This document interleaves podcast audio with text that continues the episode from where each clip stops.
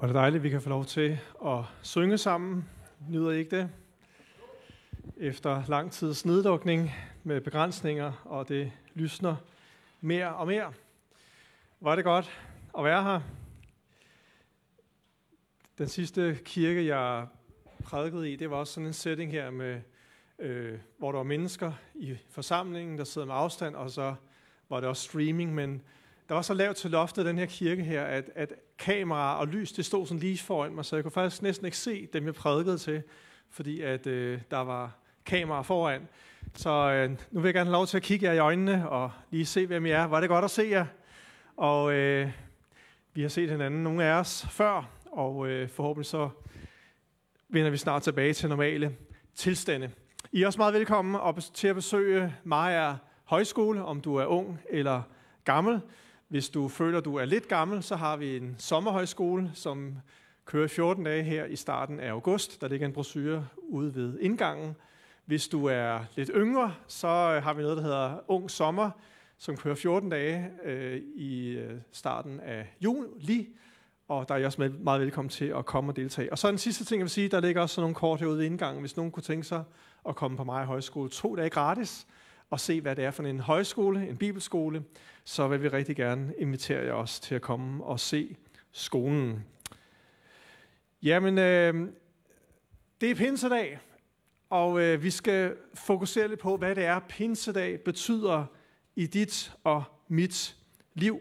Og I har jo været igennem en øh, serie her af prædikner, der havde overskriften åndspireret. Skal vi sige det sammen alle sammen? Åndspireret. Jeg synes, det er godt fundet på. Den har jeg ikke hørt før. I stedet for at være inspireret, så skal vi være åndspireret. Og det der med at fange Helligåndens inspiration i vores liv, det er simpelthen så grundlæggende for at leve det fulde kristenliv og få den fulde erfaring af, hvad det vil sige at leve med Jesus i dag. Øhm, jeg vil gerne starte et andet sted. Øh, på næste slide her, der vil I se filmen Druk, eller traileren for den. Vi skal ikke se filmen nu. Nu skal jeg ikke spørge, hvor mange der har set filmen, men øh, jeg så filmen med min familie her for nogle uger siden, fordi nu havde den jo fået en Oscar. Og øh, så vil jeg egentlig gerne lige vide, hvad, hvad var det egentlig for noget? Jeg gjorde det lidt modvilligt, må jeg sige. Det er ikke, fordi jeg ikke øh, nyder et glas vin, eller ikke drikker alkohol, men øh, jeg er selvfølgelig lidt bedrøvet over den her meget stærke alkoholkultur, som vi øh, i nogle sammenhæng har øh, i Danmark, hvor at øh, vi ikke længere bare nyder alkoholen, som Gud har skabt, ligesom han har skabt alt andet i naturen, men hvor det også bliver overdrevet, og hvor det kommer i fokus, hvor det ødelægger familier, hvor det øh, skaber dårlige oplevelser, også for, for mange unge i dag, samtidig med, at der også er en side af det, hvor at øh, mennesker jo har det rigtig sjovt. Men den her lidt øh, konservative baggrund, jeg selv har personligt, det gjorde jeg lidt modvilligt, så den her film her. Og øh, så kan jeg så efterfølgende læse i Kristi Dagblad blandt andet, at der er sådan lidt forskellige øh, tilgange til, hvad er det egentlig, den her film den handler om. For nogen så er filmen Druk en, en hyldest til at drikke, og til bare at slå dig løs, og ikke være så bekymret for livet, fordi det hele, det skal jo nok gå. Øh, for andre så er det sådan en øh, social, social kommentar på Danmark, på vores kultur, og øh, på et problem, som vi har i vores samfund, som også medfører alkoholisme og død og ødelægger ægteskaber øh, og andre ting.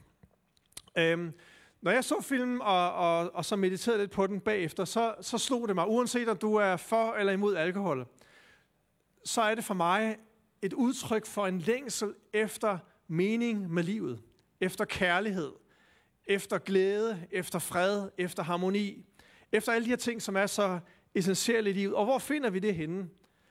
Og øh, det finder du bestemt ikke kun i alkohol. Du befinder det ikke kun i jordiske ting, som kan være dejlige og fantastiske, som Gud han har skabt. Men vi finder det i virkeligheden i Gud. Vi finder den, som kan slukke vores tørst, det er Jesus Kristus, som siger, kom til mig at drikke, så vil jeg give jer levende vand. Fra jeres indre skal der rende strømme af levende vand. Og så kommenterer Johannes i Johannes evangeliet, det sagde han om den ånd, som de, der troede på ham, engang skulle få. Helligånden, som skulle komme på pinsedag. Det er den sande øh, øh, det, det er ham, som kan slukke den sande tørst, vi har. Den her eksistentielle mening, vi søger efter alle sammen. Og øh, på pinsedag, der ser vi også, at de bliver fulde.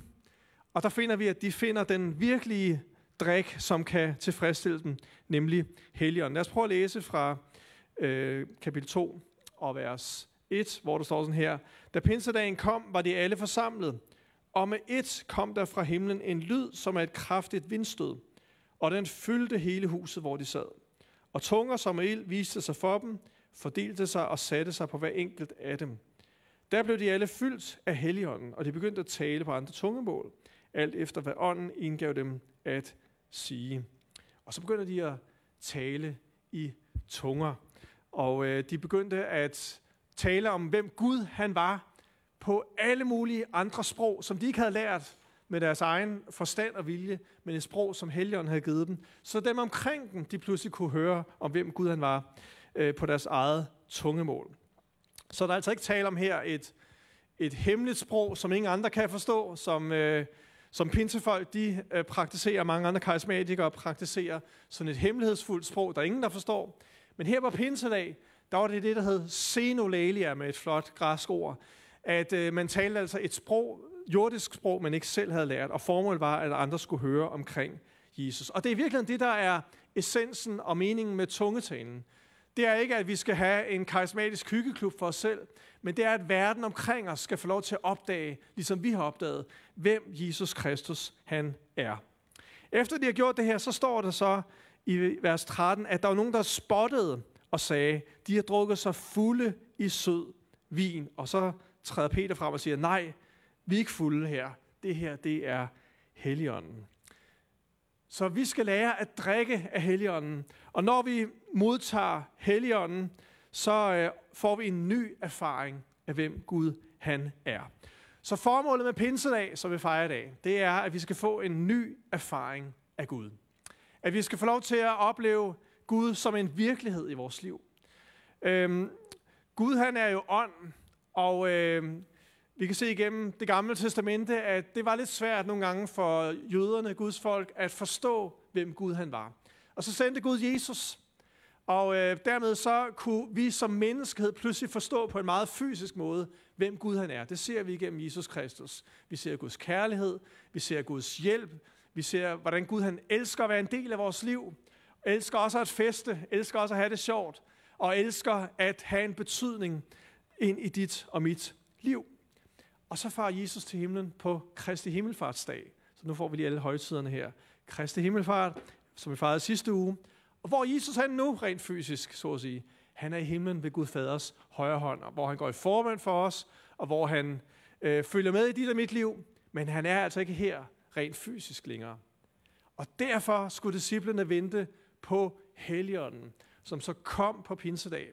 Og Helligånden gør det samme som Jesus ville have gjort, hvis han var her rent fysisk. Det tror jeg, vi glemmer nogle gange.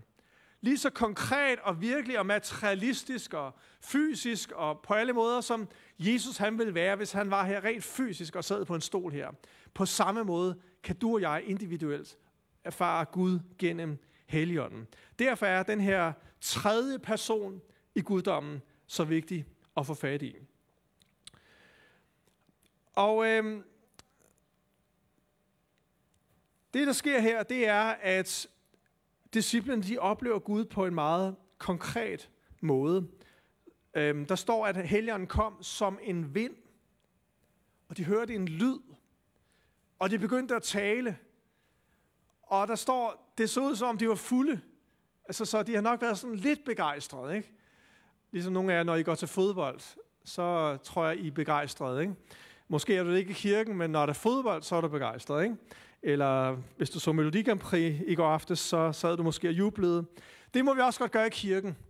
Og når vi møder Helligånden, så kommer det til udtryk på en måde, der øh, rammer alle sanser i vores liv. Vi, vi mærker det, vi hører det. Vi ser de så tunger, som er ild. Så disciplerne, de sad altså ikke bare der og læste i en bog, og, og, og læste i Bibelen, eller sang nogle, nogle, nogle salmer, og, og, og sådan bevarede det bare herinde i hjertet. Nej, for de første kristne, så var det noget, der kunne ses på dem, at de var blevet fyldt med Helligånden. Og de kunne ikke lade være med at prædike, de kunne ikke lade være med at profetere, og der skete noget inde i deres hjerte, der ikke kunne blive derinde. Det boblede over i en tungetale eller i en lovprisning af Gud, så andre mennesker kunne høre, hvem Gud han var. Det er det, der sker, når vi bliver fyldt med Helligånden. Vi har sådan en øh, lidt skepsis som danskere imod føleri. Ikke? Øh, øh, hvor at, at det er som om, at du skal helst være lidt intellektuel heroppe i hovedet. Ikke? Du skal helst have læst nogle gode bøger. Du skal helst have en god, lang uddannelse. Du skulle helst kunne formulere dig meget sofistikeret. Og, og øh, ja, du skal helst øh, ligesom have styr på teorien og på rammerne og på det hele. Og, og øh, hvis vi går tilbage i kristendoms historie, så er der virkelig blevet skrevet rigtig, rigtig mange bøger. Der er virkelig blevet skrevet rigtig meget abstrakt teologi, filosofisk, øh, filosofiske tanker omkring, hvad kristendommen er, sådan så at man faktisk nærmest ikke længere kan forstå, hvad der overhovedet er, det handler om. Fordi det bliver så abstrakt og så fjernt fra vores livsverden. Og alligevel, så den der skriftlighed, den kan noget. Altså, det der med, at, at, at der er øh, fremragende teologer, der skriver om livet med Jesus på en abstrakt måde, og, og, øh, og så videre. Det er fint, det er godt, det er vigtigt, det er noget, vi skal have med. Vi har i Maja en øh, bacheloruddannelse, og nu også en masteruddannelse i teologi. Og, og det er ikke sådan, jeg er ikke imod uddannelse, og jeg er ikke imod skriftlighed. Jeg er ikke imod det at læse bøger. Men det er ikke det eneste. Fordi på pinsedag, der skete der noget andet. Det var, at uuddannede mænd og kvinder blev fyldt med heligånden. Det var mennesker, der ikke havde læst en masse bøger. Det var mennesker, der ikke havde styr på alle ting og kunne formulere alting. Og pludselig så møder de heligånden, og så begynder de bare spontant at reagere på det, som de oplever inde i. Og øh, det tror jeg er vigtigt, at vi forstår, at når Gud han møder os, så ønsker han, at vi skal erfare ham med alle vores sanser. Både din forstand, med dit intellekt, men også med dit hjerte, med dine følelser. Smag og se, at Gud er god, står der i salmerne. Hvad betyder det? Det er ikke bare sådan at smage, men det er sådan, i, i, i metaforisk betydning. Men det er med alt, hvad du er, at erfare og opleve, hvem Gud han er, ind i dit liv. Må jeg blive lidt konkret? Jeg tror på, at du kan opleve Gud med din forstand, men også med gåsehud. Bliver det praktisk nok nu? Altså, ikke? Hvor pludselig så, huh, nej, tak Gud. Jeg tror at du kan opleve Gud midt i en meget vanskelig situation i dit liv, og pludselig så bliver du bare fyldt med sådan en dyb fred, du ikke kan forklare andet end det må være Gud, der giver dig fred. Fordi det giver ikke mening med din forstand at opleve fred nu, når livet er svært. Men når Gud han kommer, så smager vi at se, at han er Gud og god. Du kan opleve pludselig, at du bliver fyldt med en overstrømmende kærlighed til nogle mennesker, hvor du tænker med din forstand, jeg burde ikke elske de her mennesker, jeg burde være ligeglad, eller jeg er et eller andet, jeg burde ikke tilgive. Men fordi helgen rammer dig, og du oplever, hvem Gud han er, så bliver du fyldt med en ny tilgivelse og en ny kærlighed, og med en kraft indeni, der gør, at du bliver et anderledes menneske. Så når helgen kommer over os, så oplever vi Gud på en ny måde, der går ud over vores forstand. I begyndelsen af det 20. århundrede, der startede der det, som vi kalder for pinsebevægelsen. Det startede blandt andet med en øh, afrikansk, øh, eller afroamerikansk øh, mand, der hed William Seymour. Og på det tidspunkt her, der var der rigtig mange kristne, der længtes efter at opleve det, som Jesus han taler om i Apostlenes Gerninger 1, Helligåndens ståb. Og øh, de ventede, ligesom disciplene ventede på pinsedag, så ventede de her kristne på at få Helligånden. Og de opdagede det her med tungetale og profeti, og at Gud han bliver meget nærværende på en overnaturlig måde. Kan vi ikke også opleve det i dag, eller var det kun på Bibelens tid? Og masser af kristne fra alle mulige kirkesamfund, fra folkekirken til alle mulige former for frikirker, de begyndte at søge Gud i Los Angeles, i USA, også her i Danmark. Og øh, det, der skete i Los Angeles på Sousa Street, det var, at William Seymour, som øh, altså var farvet, han samlede mennesker i en kirke på Azusa Street, hvor at farvet og hvide blev blandet stik imod kulturen den her gang, hvor at der var raceopdeling. Og der på Azusa Street, der blev de fyldt med helligånden, og begyndte at opleve, at Gud han blev virkelig på en meget følsom måde. Nu snakker vi følelsesmæssigt, og ikke bare intellektuelt. På en meget konkret måde, hvor der skete helbredelser og mirakler. På en meget konkret måde, hvor de talte i tunger og profeterede. Og det, der også skete her, det var, at, at de her sociale skæld, der var mellem raserne, de blev nedbrudt. De sociale skæld, der var mellem mænd og kvinder, det har jo altid været sådan i historisk set, at det var mændene, der ligesom skulle have den største plads, fordi sådan var det jo bare i, i de her patriarkalske samfund, vi voksede op i. Men på Azusa Street, der begyndte kvinderne at få lov til at tjene på lige fod med mænd. Og øh, gamle og unge fik lov til at tjene, børn fik lov til at tjene, og pludselig så oplevede de det, som de oplevede på pinsedag, at når helgenen kommer, så betyder det ikke længere, hvem du er rent menneskeligt, rent socialt, rent uddannelsesmæssigt, men det, der betyder noget, det er, hvad Gud han gør i dit hjerte. Og derud fra Street, der spredte sig en, en vækkelse og en ild fra pinsedag, øh, og ud over hele verden. Er du klar over, hvor mange kristne der er i verden i dag, som bekender sig til den her tro på pinsedag, der gør, at, at vi mener, at helgenen kan blive meget konkret og virkelig i vores liv? Hvad skal vi gætte på? Nej, nu er vi så mange, så lad mig bare gætte. Det var også bare et retorisk spørgsmål. Øh, der er mellem 6 og 700 millioner kristne i verden i dag, som tror på pinsedag kan opleves i dit og mit liv i dag. Altså som praktiserer et kristenliv med følelser. Et kristenliv, hvor man kan bede for syge. Et kristenliv, hvor man kan opleve at få et profetisk ord, et eller andet hilsen og opmuntring fra Gud til et andet menneske. Eller tungetal, hvor man taler et eller andet, der lyder som pludresprog, men som giver så meget mening inden i dem, der oplever det, og inden i mig selv, som også praktiserer det, at det er det, jeg tror på, der er det, som Bibelen taler om, der er tungetale. Og mange andre ting, som karakteriserer et liv, hvor vi er fyldt med helligånden, hvor det går ud over vores forstand. De her 600-700 millioner kristne, øh, det er ikke kun dem, der hedder Pinsekirke, heldigvis. Det er en, det er en uh, mindre gruppe. Der er 150 millioner katolikker, som praktiserer det her, som er karismatiske. Øh, og så er der millioner af, af kristne fra alle mulige kirkesamfund, lige fra Folkekirken i Danmark, der kalder vi det for Oasebevægelsen blandt andet. Men du kan også tage ind i Indre Mission og Luthersk Mission i Danmark, og der vil du også finde mennesker, som tror på det her. Du finder det i Folkekirken, og du finder det i alle kirkesamfund. Og derfor så taler vi ikke om noget, som en bestemt kirke praktiserer, men vi taler om et fænomen, vi kalder det for pentekostalismen i dag. Øh, altså troen på pinsedag, gør en forskel i vores liv, fordi Helligånden kommer som den tredje person i guddommen og gør Gud nærværende i vores liv. Er det ikke lidt vildt, det her? Og det vokser. Man regner med, at i, 2000, øh, i, øh, i 2050, der vil der være flere øh, karismatiske pentekostale kristne, end der vil være katolikker. Der er 1,2 øh, millioner, øh, milliarder øh, katolikker i verden i dag. Så det er et voksende fænomen. Den her kristendom, hvor man synger lovsang, som jeg også gør her, man løfter hænderne, og hvor man oplever Gud på en meget kropslig måde øh, også. Det er Helligånden, der er udgivet over alt kød. For det andet, så ser vi også på pinsedag, at Peter han træder frem og kommenterer, vi er ikke fulde af vin. Nej, det er Helligånden, der er kommet over os. Og der står sådan her i vers 14, kapitel 2, at Peter han trådte frem, og så begynder han at sige, at her sker det, som er sagt ved profeten Joel.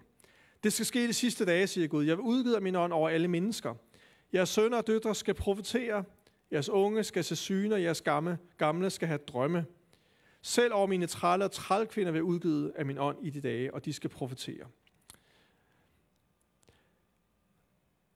Det, der skete for disciplerne på pinsedag, og det, der måske for dig og mig, når pinsedag bliver virkelig i vores liv, det er, at vi får en ny opfattelse af verden. En ny opfattelse af verden. En pneumatologisk opfattelse af verden. Pneumatologi, det betyder helligånd på græsk, eller læren om helligånden. Vi skal lære at opfatte verden i lyset af faderen, sønnen og Helligånden. Altså, hvordan ser Gud Fader på verden? Hvordan ser Jesus Kristus på verden? Og hvordan, hvad gør helgenen ved os, når, eller hvad gør, hvordan ser verden ud, når helgenen giver os nogle nye briller at se verden med? Med andre ord, når vi oplever pinsedag i vores liv, så får vi et nyt mindset. Og øh, her der kunne man jo godt tro som, øh, som pinse kirke, at så handler det primært om at tale i tunger, eller det kalder primært om at, at være kristen på en bestemt måde.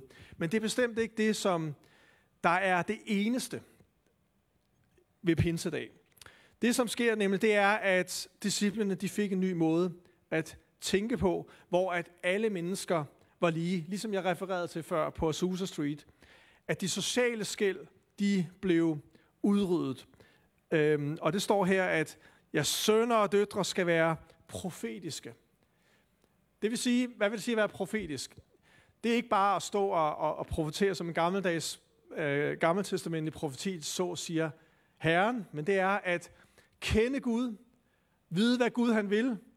Det er at øh, arbejde med på Guds dagsorden i verden, om at gøre en forskel for alle mennesker og hjælpe alle mennesker.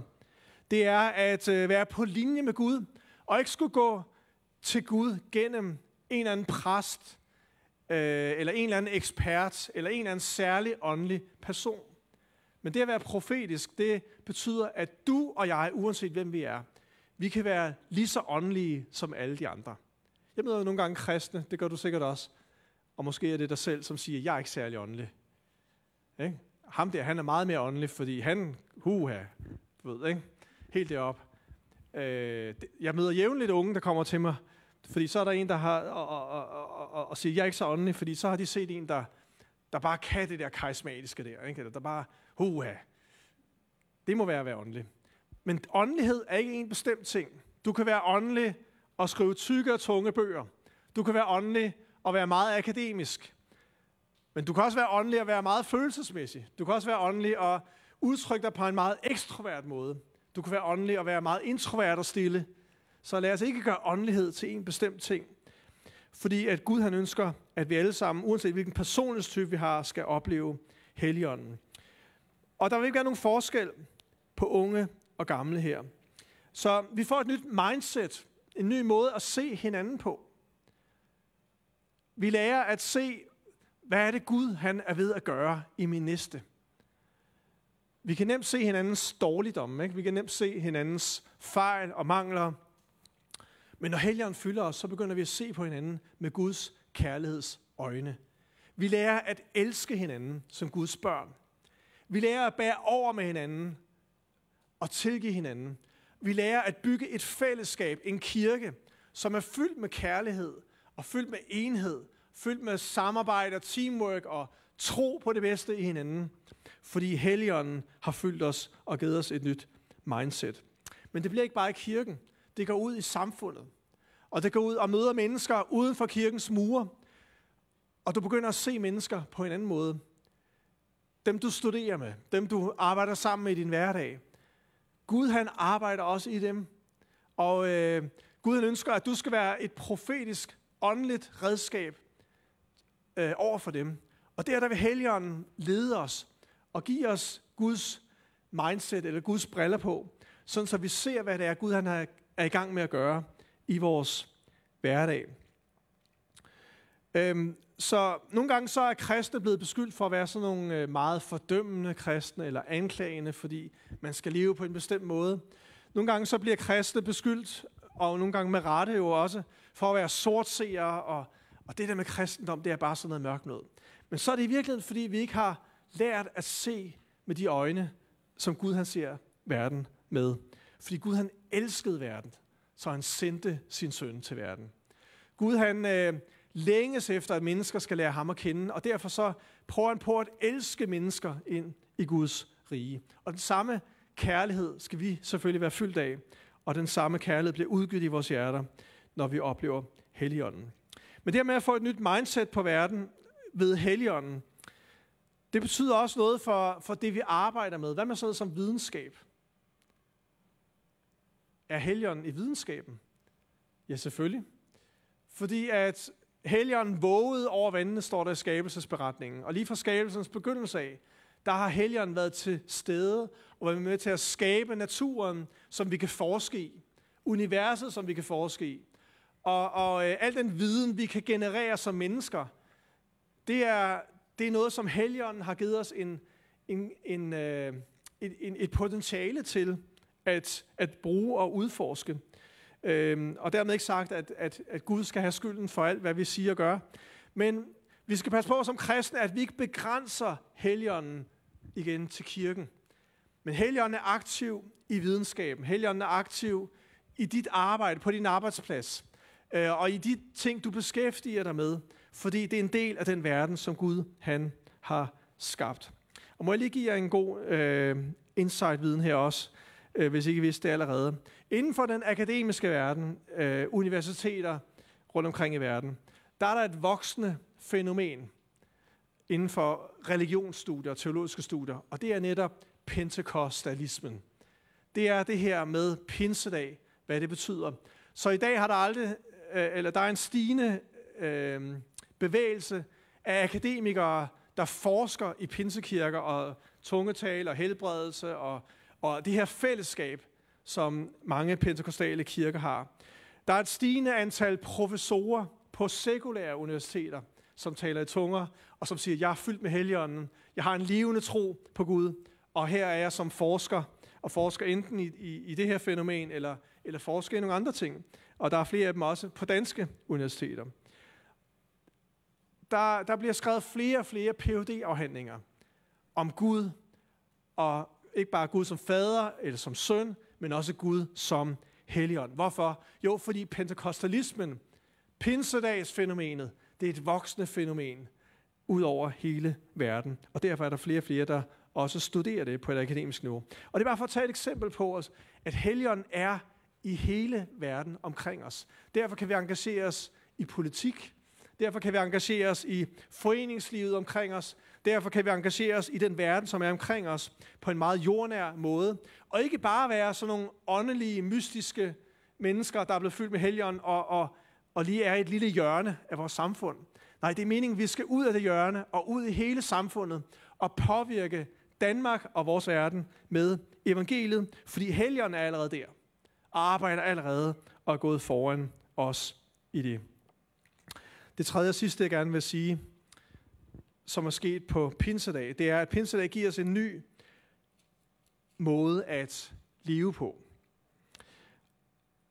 Fordi det bliver ikke bare ved de spektakulære fænomener, men i det øjeblik, at disciplerne blev fyldt med helligånden, så begyndte de at skabe et nyt fællesskab og en ny livsstil. De fik en nomatologisk livsstil, igen den her helligånds livsstil. Og det læser vi om i øh, kapitel 2 og vers Øhm, I vers 37 ser vi, hvordan at en skare på 3.000 mennesker, de blev ramt af Peters prædiken, og spørger, hvordan kan vi få fat i Jesus? Og så står der videre i vers 42, at de holdt fast, det her fællesskab. De holdt fast ved apostlenes lærer, ved fællesskabet, ved brødsbrydelsen og ved bønderne. Og de mødtes i hjemmene, de øh, lovsang Gud i templet og hjemme, og priste Gud og havde hele folkets, folkets yndest. Med andre ord, de var blevet folkelige. Hvad vil det sige at være folkelig? Det vil sige, at du, øh, du springer ned fra platformen. Du springer ned der fra den afstand, der var mellem os som religiøse og dem, der var ikke religiøse. Og pludselig så bliver vi en del af et større fællesskab. Og der midt i det fællesskab, der proklamerer vi, hvem Gud er gennem vores livsstil og gennem vores ord.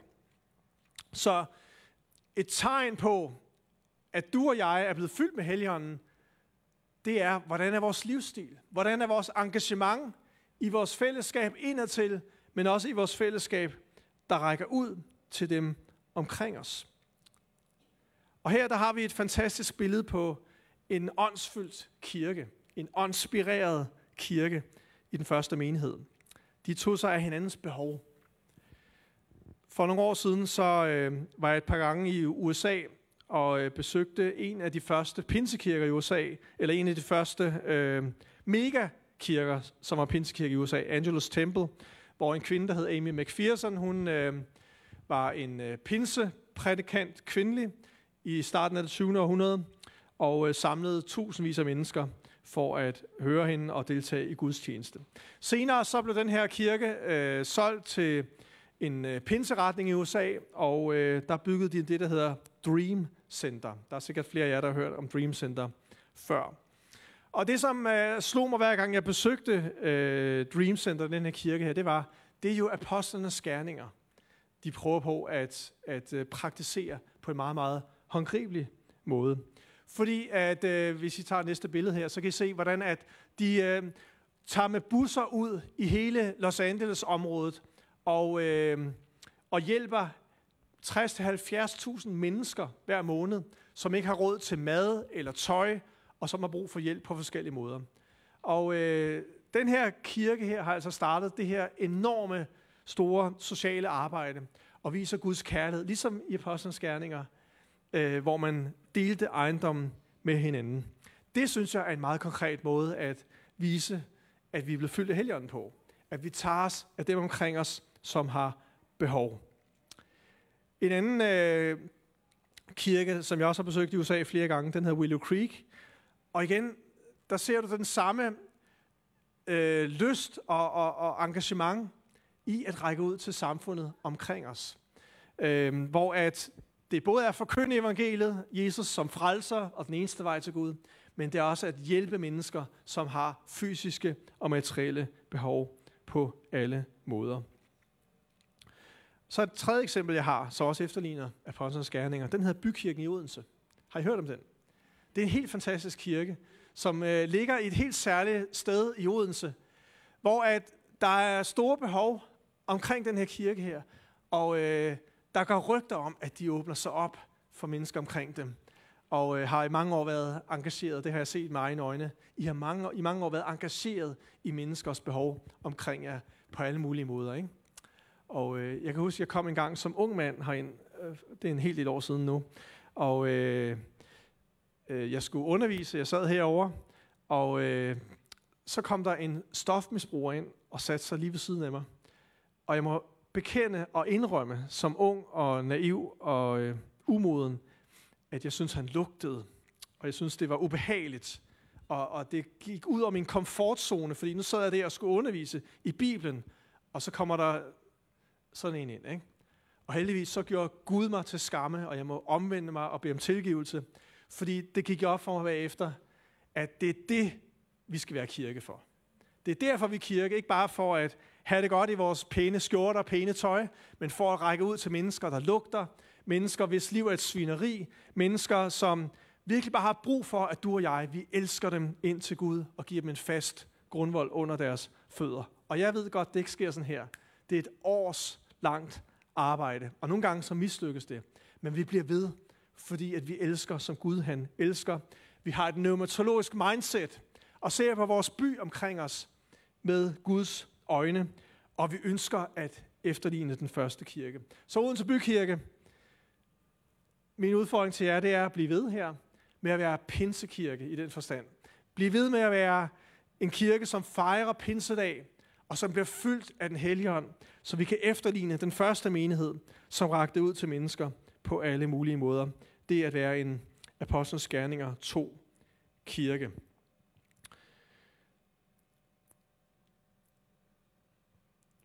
Så øhm, jeg har bare lyst til at udfordre dig, som sidder her i dag, eller dig, som ser med på, på streaming, til at gøre pinsedag virkelig i dit liv.